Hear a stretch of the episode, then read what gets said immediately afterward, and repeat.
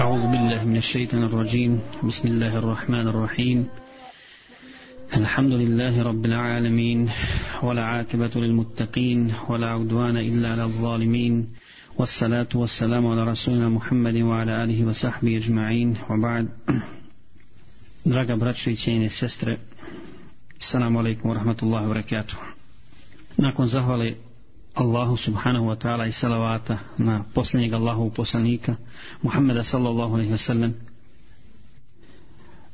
večeras u završnom dijelu govora o sabru dotaknut ćemo se nekoliko važnih stvari koje će nam svakako inša Allah pomoći da razumijemo ovu temu i da ovu osobinu primjenimo onako kako je Allah želšano zadovoljan i kako nas je podučio poslanik sallallahu alaihi wa sallam Prije svega ja želim spomenuti šartove sabra u iskušenjima, dakle u životnim tegobama, musibetima koje svako od nas proživljava i doživljava i na koje nas Allah Đelešanohu stavlja da bi iskušao ko će od nas bolje i ljepše postupiti. Dakle, da bi sabr bio nagrađen kod Allaha subhanahu wa ta'ala, treba da se ispune neki šarti. Prvo, sabr se ogleda i pokazuje kod prvog udarca. Dakle, onog trenutka kad osjetiš musibet, kad dobiješ vijest o nesreći, tada se strpi. Taj moment kad dobiješ takvu vijest je moment gdje se pokazuje strpljenje. Poslanik sallallahu alejhi ve sellem je naišao pored groblja i vidio je ženu kako plače i nariče za svojim djetetom pored kabra, pa joj je rekao: "O Allahova robinjo, boj se Allaha i strpi se." a ona mu je odgovorila, ne znajući o kome se radi i kojoj upućuje te riječi, bježi od mene, tebe nije pogodilo ono što je mene pogodilo i ti ne znaš šta znači ovaj musibet. Poslanik sallallahu alaihi sellem je otišao od nje, a nje je kasnije rečeno da je to bio Resul sallallahu alaihi sellem. Ona je postiđena otišla njegovoj kući i rekla, ja Resulallah, nisam te prepoznala.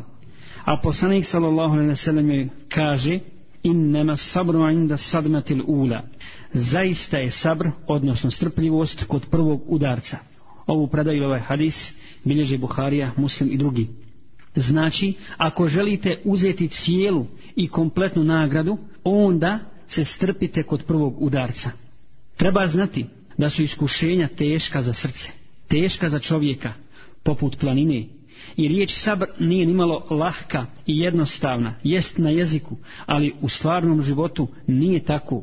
Međutim, mi kao vjernici i vjernice trebamo se sjetiti tada u najtežem trenutku riječi uzvišenog koje smo mi spominjali u našim prethodnim predavanjima innama yuwaffa as-sabiruna ajrahum bighairi hisab zaista one koji budu strpljivi čeka nagrada bez računa Dakle, to je prvi šart vezan za sabr. Drugi šart jeste da se ne zaboravi dova u iskušenju. Kakvo god iskušenje čovjeka pogodi i snađi, bez obzira koliko teško bilo, dova upućena gospodaru svjetova u tom trenutku, kada se čovjek sjeti gospodara svjetova i kaže inna lillahi wa inna ilaihi rađi'un, je velika stvar ona možemo slobodno kazati čini čuda donosi smiraj duši povećava pouzdanje i svijest o Allahu subhanahu wa ta'ala njegovoj veličini i njegovoj neizmjernoj mudrosti zbog toga što nas je stavio na takvo iskušenje jer on zna i vidi i gleda svoje robove ili i dova u tom teškom trenutku koju su upućivali oni koji su bili bolji od nas i koji su nas pretekli u dobru gospodaru moj daj mi nagradu ili učvrsti me na ovom iskušenju, ovom musibetu i zamijeni mi ga, zamijeni mi ga boljim. Misliš li, brate i sestro, da su to samo riječi i da to nije istina i da Allah neće dati izlaz? Wallahi hoće. Sjetimo se musibeta koji je snašao poznatu sahaviku Ummu Salamu, kada joj je poginuo muž Abu Salame, ugledni ashab, velikan ummeta, učesnik bedra, za koje je Resul sallallahu alaihi wasallam rekao možda je Allah pogleda učesnike bedra i rekao im činite šta hoćete ja sam vam oprostio kada je preselio Abu Seleme njegova žena u Museleme je proučila ovu dovu koju smo spomenuli rekla je inna lillahi wa inna ilaihi rađi'un i rekla je gospodaru učvrsti me i daj mi nagradu za ovo moje iskušenje i zamijeni mi ga boljim. To joj je sugerisao i rekao poslanik sallallahu alaihi ve sellem. Uputio je šta će reći i šta će kazati u tom teškom trenutku. Nakon toga Ummu Selema je sjela i razmišljala. Ko to ima bolji od Ebu Seleme? Ko to ima bolji od mog muža? On je ashab poslanika sallallahu alaihi ve sellem. Učesnik je bedra. Preselio je kao šehid. Zar postoje bolje vrijednosti? I poslije toga šta se desilo? Nakon izvjesnog vremena, nakon isteka iddeta, oženio je Resul sallallahu alaihi ve sellem. A svakako je on bolji od Ebu Seleme i od svih ostalih ljudi. Zato ne zaboravite dovu nikada i ustrajte u dovi i vidjet ćete čudesnu ulogu i uticaj dove u životu svakog čovjeka, svakog vjernika i vjernice. Samo prije toga, brate i sestro, treba da ispunite, odnosno da ispunimo dva uslova. Prvo, strpi se na iskušenju, dakle, nema proklinjanja, nema vrištanja, nema čupanja kose i tako dalje. Strpi se istinskom iskušenju i drugo, budi ubjeđen u primanje dove koju upućuješ gospodaru svjetova, jer kako kaže Rasul sallallahu alejhi ve sellem, Allah se stidi da vrati ruke prazne onoga komu se istinski obrati dovom za neku svoju potrebu. Treći šart za sabr jeste da sabr bude, kako smo kazali, sabrun džemin. Šta to znači? Objasnili smo. Znači, mora to biti sabr bez jadikovanja, bez tugovanja, jer vjernik svoju tugu iznosi svome gospodaru Allahu subhanahu wa ta'ala zar da se žalimo ljudima na Allaha, na njegovu odredbu zar nećemo biti zadovoljni Allahovim kaderom, Allahovim odredbom onim što je Allah Đelešanuhu propisao da nam se desi i zbog čega ako se strpimo čeka nas nagrada kod Allaha subhanahu wa ta'ala mi smo spomenuli kad su u pitanju iskušenja Spomenuli smo između ostalih i iskušenja u braku. Ja želim zbog aktuelnosti ove stvari da spomenim što se to često dešava danas u društvu da uputim nasihat svima nama vezan za te nesporazume, za svađe i za mnogobrojne razvode brakova. To je danas učestala pojava. Ljudi se žale da nemaju sreće u brakovima. Mislim, kad kažem ljudi, i muškarci i žene, Ovo neka bude dakle nasihat bračnim drugima muslimanima i muslimankama. Kaže poslanik sallallahu alaihi ve sellem u hadisu kojega bilježi muslim, neka vjernik ne napušta svoju suprugu, svoju ženu vjernicu, samo radi toga što je kod nje vidio nešto što mu se ne sviđa. Dakle, ima neku osobinu koja mu se ne sviđa, a zadovoljan je sa nečim drugim, dakle, s drugom osobinom njenu. Kako su ovo velike riječi i pune značenja od našeg poslanika Muhammeda sallallahu alaihi wasallam. Ne može, brate i sestro, sve kod tvoje žene ili kod tvog muža biti idealno. Ako ima loših osobina, a svako i od nas ima, ima i dobri. To je stvar koja je raširena danas u društvu. Ljudi se lahko odlučuju na razvod. I kad pitaš čovjeka, zašto? Zašto to želiš? Je li žena počinila neki veliki grijeh? on kaže ne, ali jednostavno ne mogu, ne mogu sa njom. Ili žena kaže ne mogu sa njim i gotovo. Šeitan hoće da se sruši ono što ste gradili godinama i u što ste puno uložili. Allah subhanahu wa ta'ala kaže فَعَسَا أَن تَكْرَهُ شَيْئًا وَيَجْعَلُ اللَّهُ فِيهِ خَيْرًا كَثِيرًا A možda u onome što vi prezirete Allah je dao veliko dobro strpi se i gledaj u ono što je kod tvog bračnog druga pozitivno i znaj da smo mi ljudi, a nismo meleki. A zatim sjeti se svojih mahana prije mahana svoga bračnog druga. Zatim, ono što također treba spomenuti, vezano za sabr, jeste nedostatak sabra kod ljudi kad im se otvori dunjaluk. Dunjaluk. Dok čovjek nije imao dunjaluka, sagurao je. Dakle, bio je u tjeskobi, bio u iskušenjima, a nije činio grijehe. Međutim, kad mu je Allah Đalešanom podario blagodati dunjaluka, onda je zloupotrijebio te blagodati, onda se podao grijesima i onda nema granica u činjenju grijeha, odnosno nema granica u kršenju Allahovog zakona i onoga što je Allah Đelešanu propisao. Znaj, brate i sestro, da kada bi imao ne znam kakvo bogatstvo, ne možeš biti bogat kao Suleiman a.s. Ne možeš posjedovati blagodati koje on posjedovao, niti kao Jusuf a.s. koji je osjetio iskušenje zatvora, iskušenje zatvora i iskušenje zavođenja od strane lijepe i ugledne žene, ali također i iskušenje vlasti i moći.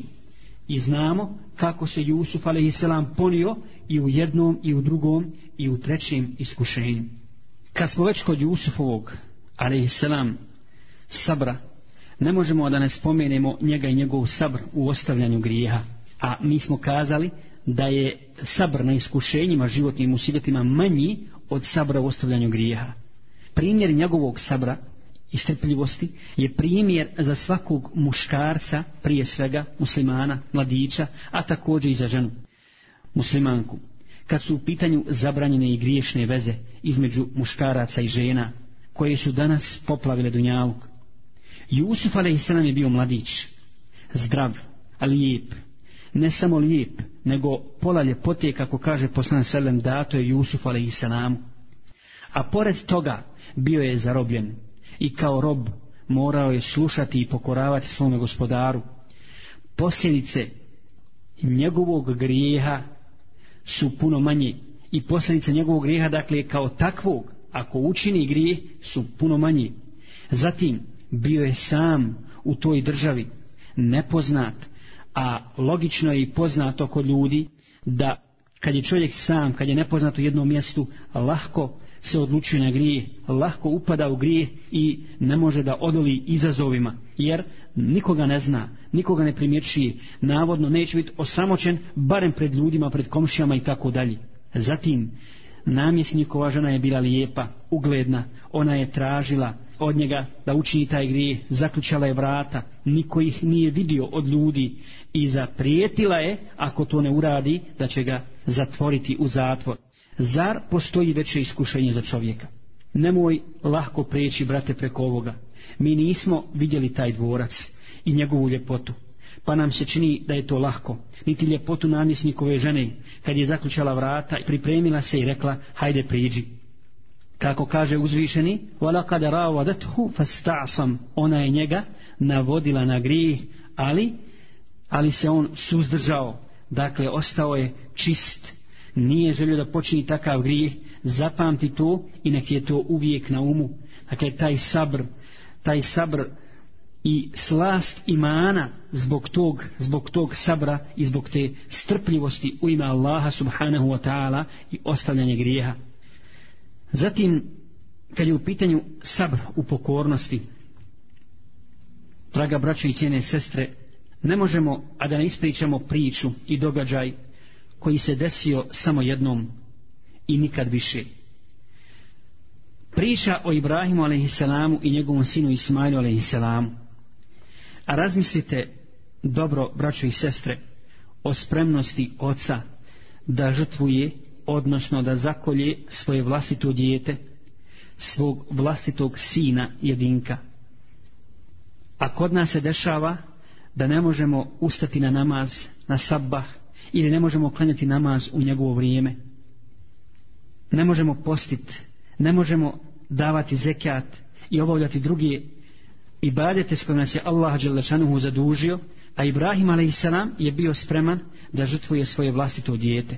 I ono što je posebno čudno i zadivljujuće jeste da je sin potpuno bio pokoran i rekao je svome ocu ja abati ifa'al ma tu'mar se teđiduni inša Allahu minas sabirin o oče moj radi kako ti je naređeno vidjet ćeš da ću ja inša Allah biti strpljiv i počeo je Ibrahim a.s. da kolje svoga sina Allah kaže za taj slučaj walamma aslama wa tallahu lil jabin i kad su se oni pokorili toj naredbi i on ga čelom položio na zemlju Allah Đelešanuhu tada tada šalji po Džibrilu kurban umjesto njegovog sina što se htjelo od Ibrahima a.s.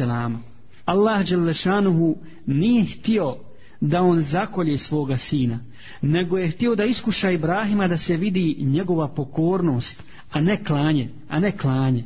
Zato uzmimo poruku i pouku iz ovog sabra u pokornosti Allahu subhanahu wa ta'ala. Jer od nas naš gospodar traži mnogo manje od onoga što je tražio od Ibrahima a.s. Pored toga, u pokornosti Allahu i u sabru u pokornosti je naša sreća i na dunjaluku i na ahiretu. Imam Buhari bilježi hadis u kojem kaže poslanik sallallahu alaihi ve sellem sedam osoba će Allah staviti u svoj hlad onoga dana kada ne bude drugog hlada osim Allahovog hlada. A jedna od tih osoba, braćo i sestre, jeste šabun neše fi ta'atillah. Mladić koji je odrastao u pokornosti Allahu subhanahu wa ta'ala. To jest bio je strpljiv, u pokornosti Allahu, odolijevao je iskušenjima i izazovima svoje mladosti, svojih strasti i to je zaista istinski, istinski sabr. Ostale od ovih osoba jesu, dakle onaj koji je dijelio sadaku tajno, dvojica ljudi koji su se voljeli u ime Allaha subhanahu wa ta'ala, čovjek koji se u samoći sjeti Allaha i suze mu poteku. A sve je to u svakoj od ovih skupina, I svaka ova osobina zahtjeva sabr. Zašto onaj koji je dijelio sadaku tajno? Zašto se za njega veže sabr? Zato što ga nikad šeitan nije mogao navesti da kaže nekome da je podijelio sadaku. Dakle, tako tajno da ne zna njegova ljevica što daje desnica. I nikada to nikome nije otkrio. Saburo je do sudnjega dana, čekajući za to, za to svoje dobro djelo, čekajući nagradu kod Allaha subhanahu wa ta'ala. Zatim, čovjek koji se u samoć sjeti Allaha i suze mu poteku, kad je sam, kad nema nigdje nikoga, u mrkloj noći ili na putovanju, sjeti se svoga gospodara, ne pred ljudima i tada suzu pusti. Dakle, to je istinski sabru pokornosti Allahu želešno, dakle i pokazivanje i dokazivanje iskrenosti i iskrenog odnosa prema gospodaru svjetova. Zatim čovjek čije je srce vezano za džamiju, koliki je tu sabr potreban, koliki su dunjalučki izazovi, a koliko takvi ljudi koji su vezani za džamiju, za mesčide, ne samo za namaz, nego za sve programe koji bi trebali da se dešavaju u džamiji i za održavanje džamija, a posebno za ibadet u džamijama, učenje Kur'ana, halke Kur'ana i ostala predavanja i programi koji se dešavaju u džamijama. Dakle, koliko sabra čovjeku treba da ustraje na tome. Zatim čovjek koga pozove žena lijepa i ugledna žena a on kaže ne ja se bojim Allaha subhanahu wa ta'ala to je taj sad koji smo malo prije spominjali i to je zaista velik stepin velik stepin jer danas je deviza kod ljudi koji se ne boje Allaha subhanahu wa ta'ala iskoristi što se može iskoristiti a za nagraditi je i od strane ljudi koji se Allaha boje svakom nagradom, onaj ko dođe pa kaže, ja sam imao priliku učiniti grije, ali nisam ga u ime Allaha, u ime Allaha učinio. Zatim, pravedni vladar koji bi svakako trebao dođe na prvo mjesto, onaj ko se kao vladar strpi na tim životnim iskušenjima, bude pravedan u svakoj situaciji, u svakom trenutku, jer zaista je vlast veliki izazov, njega čeka velika nagrada kod Allaha subhanahu wa ta'ala. U ovu vrstu sabra dakle sabra u pokornosti Allahu subhanahu wa ta'ala svakako spada i vrlo je bitno istaći ovo ustrajavanje u druženju sa dobrim društvom i ostavljanje lošeg društva jer je to uzrok čovjekove propasti često puta i teškog i bolnog kajanja na dunjaluku i onoga dana kada kajanje neće koristi čovjeku zatim ustrajavanje u naređivanju dobra u naređenju namaza posebno svojoj čeljadi, svojoj djeci, svojoj ženi. Kaže Allah subhanahu wa ta'ala naređujući, naređujući poslaniku sallallahu alejhi ve sellem: "Wa'mur ahlaka bis-salati wastabir 'alayha." I naređuj čeljadi svojoj, ono naređuj svojoj porodici ili svojim ženama da obavljaju namaz i ustraj u tome. Na osnovu ovoga islamski učenjaci su izvukli propis dakle iz ovog kuranskog ajeta dakle da je jedna od dužnosti ili obaveza muža prema ženi da joj naređuje da klanja namaz dakle on je dužan Allah kaže poslaniku vamur ahlake ti naređuj ti naređuj svojoj porodici i to je jedno od njenih prava njeno je pravo a njegova obaveza da on naređuje svojoj ženi da klanja namaz prenosi se da je Omer radijallahu ta'ala an svaku noć ustajao na noćni namaz i prije zore Dakle, prije sabaha, na izvjesno vrijeme, budio bi ženu i djecu i učio im ovaj ajet. Dakle, budeći ih, učio im je ajet u amur ahlake bis salati wa stavir alaiha. I ustrajao je Omer na tome. I onaj ko voli Allaha, ko voli Islam i njegove propise i ko je osjetio slast i badeta, on će ustrajati u naređivanju dobra i zabranjivanju zla. Onaj koji je jedan od najveće vrste sabra primjera jeste posebno Allahu poslanicu i Muhammed sallallahu alaihi ve sellem. Koji ćemo inša Allah sada spomenuti jeste primjer jedne žene muminke koja je bila frizirka kod faraonove kćerke ili frizirka faraonove kćerki. Naime, ona je jednog dana radeći svoj svakodnevni posao, praveći frizuru i češljajući faraonovu kćer, dok je češljala, ispao je češalj i ona je uzimajući ga rekla Bismillah. Začudila se na te riječi faraonova čerka i rekla Zar ti imaš drugog Boga osim moga oca? Ili jel to moj otac koga ti spominješ i kažeš u ime Allaha? A ona odgovara Ne, nego moj i tvoj gospodar i gospodar tvoga oca je Allah subhanahu wa ta'ala, jedan jedini Bog jedini gospodar. A ona je rekla, ja ću prenijeti to svome ocu što si rekla. I kad je kazala svome ocu, Faraon je pitao ima li djece. Ima li ona djece? Rekli su ima četvoro djece. A jedno od njih je tek rođeno. Pa je Faraon naredio da se okupe ljudi, da se donese ogromni lonac ispod kojeg su naložili vatru u kojeg su nasuli vodu i kada je voda počela da ključa on je naredio da se dovede ta žena muminka sa svoje četvoro djeci i rekao je uzimajući prvo dijete vjeruješ li da postoji drugi bog osim mene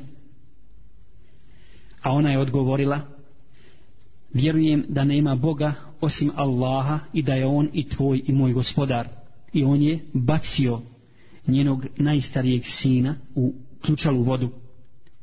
Nakon toga, dok je ona to gledala, pitao je ponovo, hoćeš li sad zanegirat ono što si malo prije rekla? Ona je ponovo kazala, moj i tvoj gospodar je Allah, on njoj je bacio i treće dijete, dakle naredio da joj se baci i treće dijete u ključalu vodu, drugo, a zatim i treće, i na kraju je ostalo još malo dijete, novorođenče. Tada se njeno majčinsko srce steglo.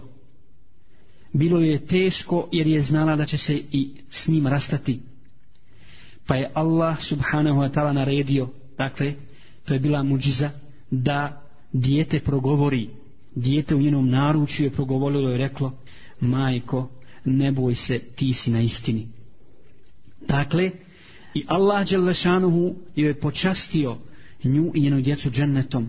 Poslanik sallallahu alaihi ve sellem priča, tu predaju bilježi Ahmed ibn Mađe i drugi, kada je bio na mirađu, prolazio je sa Džibrilom na buraku. Naišao je kroz jedno mjesto i osjetio je jako lijep i ugodan miris koji nikad do tada nije osjetio, pa je upitao Džibrila, šta je ovo, kakav je ovo miris?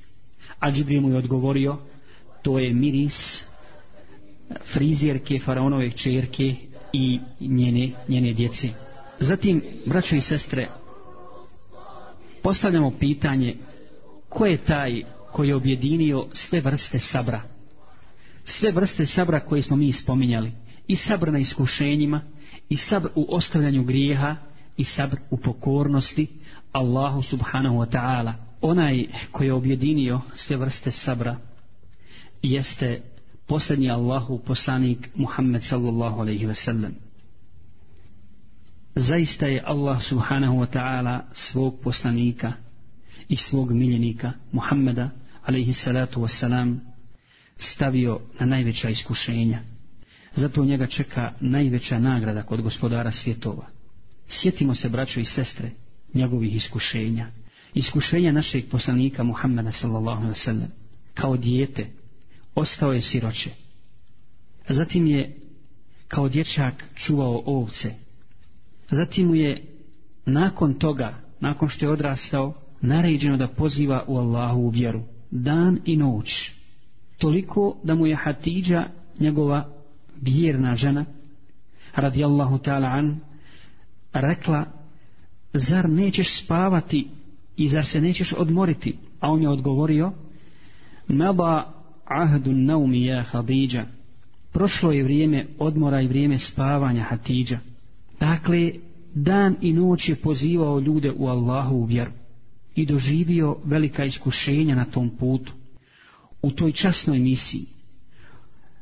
Zatim, od iskušenja koja su ga snašla, jeste da mu je umrlo sedmero djece sedmero njegove djece zadnji od njih njegov sin Ibrahim koji je poslanik sallallahu alaihi ve sellem jako mnogo volio često puta kako stoji u predajama uzmi bi ga Resul sallallahu alaihi ve sellem i odnesi među ashabe govoreći vidite li moga sina Ibrahima subhanallah toliko je volio svoje dijete nije imao muške djece Allah mu je podario Ibrahima i govorio bi dakle ashabima, vidite li mog sina Ibrahima, oduševljen njime, i na kraju i on je umro.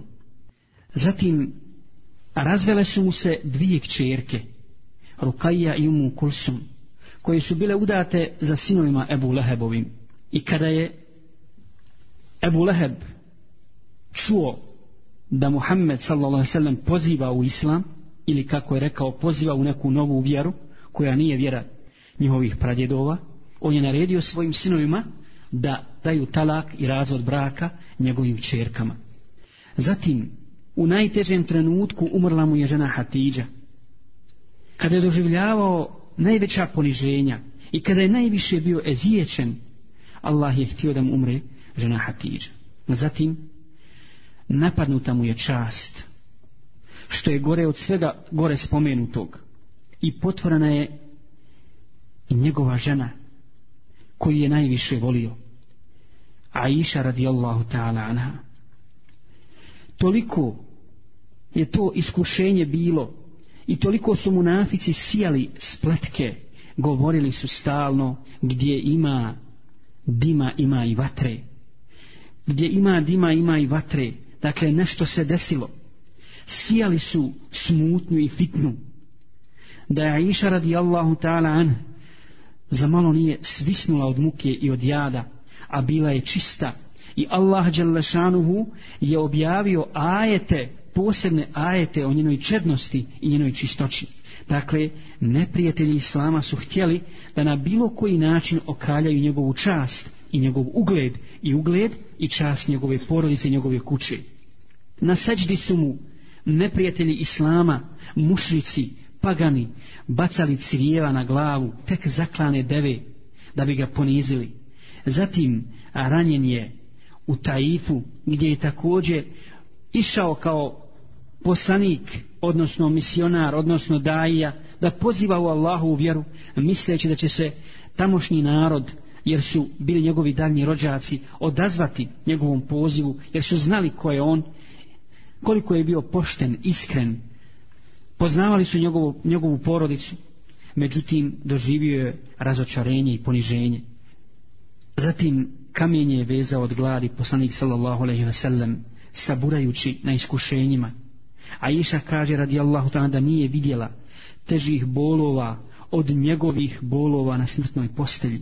Ali pored svega toga, on sallallahu alaihi wasallam, braću i sestre, u dovi izgovara ove riječi u najtežim trenucima la uhasi fanan alejk ente kema afnejta ala nafsik ja ne mogu gospodaru izbrojati svoje pohvale tebi ti si onakav kako si sam sebe pohvalio dakle ja ne mogu nabrojati tvoje blagodati ne mogu izreći svoje hvale svoje hvale i svoju slavu tebi odnosno pohvale tvojoj veličini tvojim blagodatima i tvojoj milosti Zato, brati i sestro, učimo od poslanika Muhammeda sallallahu alaihi wasallam i pogledajmo put Islama. Na tom putu, kako kaže jedan islamski učenjak, je zavapio Nuh alaihi salam, tražeći pomoć od gospodara svjetova.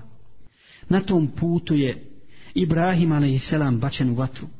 Na tom putu Islama zaklan je Jahja alaihi salam, i prerezan pilom Zekerija a.s. Na tom putu je ezijećen Musa a.s. i ranjavan Muhammed sallallahu a.s. Na tom putu Islama, putu koji vodi do dženneta, je ubijen Omer radijallahu ta'ala anhu i Uthman radijallahu ta'ala i Alija radijallahu ta'ala anhum. To je put istinskih vjernika, strpljivih mu'mina i mu'minki, koji će se radovati i veseliti onoga dana, kada drugi budu tugovali i jaukali i njihova radost trajaće inša Allah vječno kaže uzvišeni Rabbena efriga alejna sabra ponavljamo onaj ajed kojega smo prošli put spominjali šta znači sabr i koji izraz Allah Đelešanu upotrebljava ovdje u ovoj dovi koji su istinski vjernici uputili gospodaru svjetova efrig Rabbena efriga alejna sabra Što znači bukvalno ili doslovno se kad bi provodili gospodaru ispuni nas sabrom. Subhanal, ispuni nas sabrom. Kako da ne, kad znamo kakva je nagrada za sabr, a Dunjaluk je onako prolazan i kratak. Sjetimo se riječi Ali radijallahu ta'ala anh vezani za Dunjaluk. Ja dunija gurri gajri kad talaktuke thalafen a ah, min killeti zad wa bu'di tariq o dunjaluče obmanjuj i zavaravaj nekog drugog ja sam ti dao razvod sa tri talaka a to znači trajni talak trajni razvod braka o žali se Alija radi on kaže o kako je mala poputnina a kako je put daleko prije nego što završimo ovo predavanje inšallah uputit ćemo na kraju samo još nekoliko važnih također nasihata sihata po pitanju sabra. Prije svega ono što će nam pomoći da saburamo, dakle ono što će ti pomoći brate i sestro da saburaš, jeste nekoliko stvari, dakle da ustraješ na istini, da budeš strpljiv u ime Allaha subhanahu wa ta'ala, jeste prvo svijest o kratkoći dunjaluka. Dakle, da si svjestan ili da si svjesna, da znaš da je dunjaluk kratak, da će on brzo proći bez obzira o kakvom se iskušanju radilo. Zatim, spoznaja da te je Allah Đelešanovu stvorio i da ćeš se njemu vratiti. To jest, odgovarat ćeš pred Allahom subhanahu wa ta'ala za ono što si radio na Dunjaluku. Zatim, treća stvar jeste da znaš da nema druge nagrade za sabra osim dženneta i da ti je to uvijek na umu. I četvrto, da budeš siguran da da poslije te gobe dolazi olakšica. Bez obzira o kakvoj se te gobi radi, poslije te gobe sigurno dolazi olakšica. Pogledajte šta kaže Allah subhanahu wa ta'ala govoreći o tome. U ajetu koji nama dobro poznat, fe inne ma'al usri yusra, kaže uzvišeni, sa te gobom je olakšica. Zašto? Ovdje se postavlja pitanje, zašto Allah nije rekao, fa inne ba'da al-usri yusra poslije teškoće je olakšica nego je rekao sa teškoćom je olakšica zato braćo i sestre što te goba ne dolazi sama uz nju je uvijek vezano olakšanje uz nju je uvijek olakšica makar je mi ne vidjeli ali sigurno ćemo je osjetiti osjetiti u svakoj situaciji kad god budete goba, tu je blizu i tu je uz nju, uz nju teškoća koju ćemo uskoro osjetiti i doživjeti. Kaže Omer radijallahu ta'ala an, nikad nisam doživio musibet, nikakvo iskušenje, a da se nisam sjetio četvoro i tako sebi olakšao. Ovo su zaista velike riječi koje ćemo spomenuti na kraju ovog predavanja. Prvo, kaže Omer radijallahu anhu sjetio sam se i bilo mi je na umu da je moglo biti veće iskušenje od onoga koje me je zadesilo uvijek ima veće i gore zatim drugo zahvaljujem ili zahvaljivao sam Allahu Đelešanuhu što to nije iskušenje u vjeri jer nema goreg ni težeg iskušenja iskušenja u vjeri na uzubillah kad čovjeka obuzmu sumnje, šubhe, kad ga napadne šeitan, kad se udalji od Allahove istine i tako dalje, kad sumnja u gospodara svjetova, kad nije načisto, kad nema pravu ideju vodilju, kad nije na istini, kad nema svjetla od Allaha i ne zna šta je njegov put. Zatim treći, sjetio sam se u tom musibetu Allahove nagrade i znao sam da je nagrada za to džennet. Dakle, nagrada je puno veća od mog, od mog sabra i sjetim se četvrtu musibeta i iskušenja koji nas je pogodio kad je umro Rasul sallallahu alaihi wa sallam. A znamo koliki je to musibet bio za sahabe, posebno za Omera, da je on bio potpuno izgubljen u tom trenutku kad su mu rekli da je umro poslanik sa sallam i da je isukao sablju i govorio ako neko kaže da je umro Muhammed sallallahu alaihi wa sallam ja ću mu glavu osjeći. Dakle, toliko je bilo to teško za Omera, nestalo je čovjeka Allahovog poslanika Muhammeda s.a.v. čije je on lice blagoslovljeno gledao svaki dan, sa njim se družio, od njega učio i sad nema ga više među njima. To je bilo najveće iskušenje za ashabe. I kaže Omer, kad god bi se nađe u iskušenju, sjeti bi se, sjeti bi se tog iskušenja. I na kraju, braćo i sestre, znajte da je ipak najteža i najgora vrasta sabra život u zaboravu na Allaha subhanahu wa ta'ala. Sabr u pokornosti šeitanu, a ne u pokornosti Allahu, je najgora vrsta sabra i to je ono što će čovjeka slomit i uništit, a pored toga bit će mu uzaludan taj sabr, bit će mu uzaludno slijedjenje šeitana, donijeće mu tegobu i tjeskobu na dunjaluku i kaznu kaznu, bolnu kaznu na ahiretu. Molimo Allaha subhanahu wa ta'ala da nas učvrsti na istini, da nas okupi oko Kur'ana i sunneta, da ubrza pobjedu svoje istine. Molimo Allaha da nam podari sabra na iskušenjima koje nas zadese i da nas Allah zato nagradi džennetom, da budemo uzor drugima. Molimo Allaha da nam oprosti grijehe i da nas uvede u džennet. Amin. Jazakumullahu khair subhanakallahu hamdik ashhadu an la ilaha illa anta astaghfiruka wa atubu